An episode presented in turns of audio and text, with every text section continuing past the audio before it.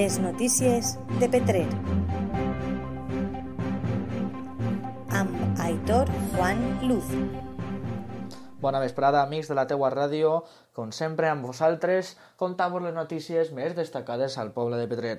Comencem, butlletí informatiu Petrer al dia.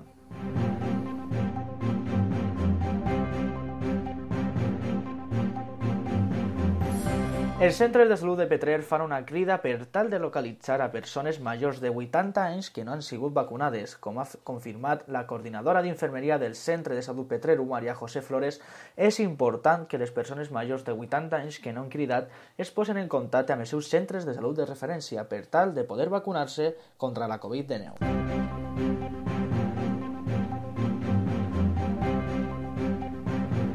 L'Ajuntament de Petrer durà a terme neteges d'alguns grafitis d'actes vandàlics en cinc edificis municipals dintre d'un operatiu especial per part de Fobesa, empresa encarregada. El regidor de policia local, Pablo Lisan, ha volgut añadir que amb aquests actes només danyen la imatge de la nostra ciutat i creuen malestar als veïns.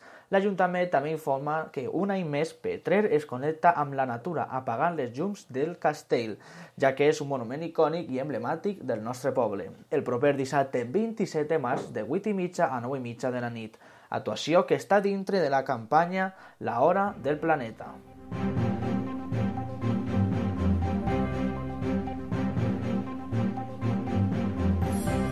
D'altra banda, Desenvolupament Econòmic invertirà 207.040 euros, dels quals 165.340 euros venen de la subvenció aprovada per l'Institut Valencià de Competitivitat Empresarial, que intereixen en millores del polígon industrial de Salinetes. Amb això volen modernitzar i millorar la zona industrial de la ciutat, els espais verds i reforçar el sistema d'alumbrament públic, segons ha assenyalat el regidor de l'àrea, David Morcillo.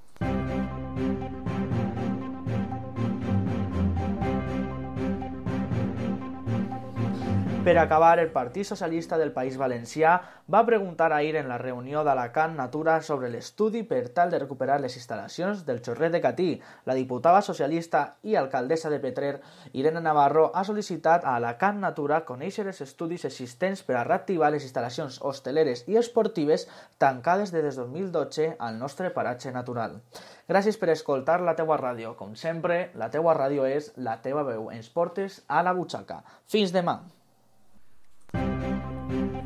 Les notícies de Petrer.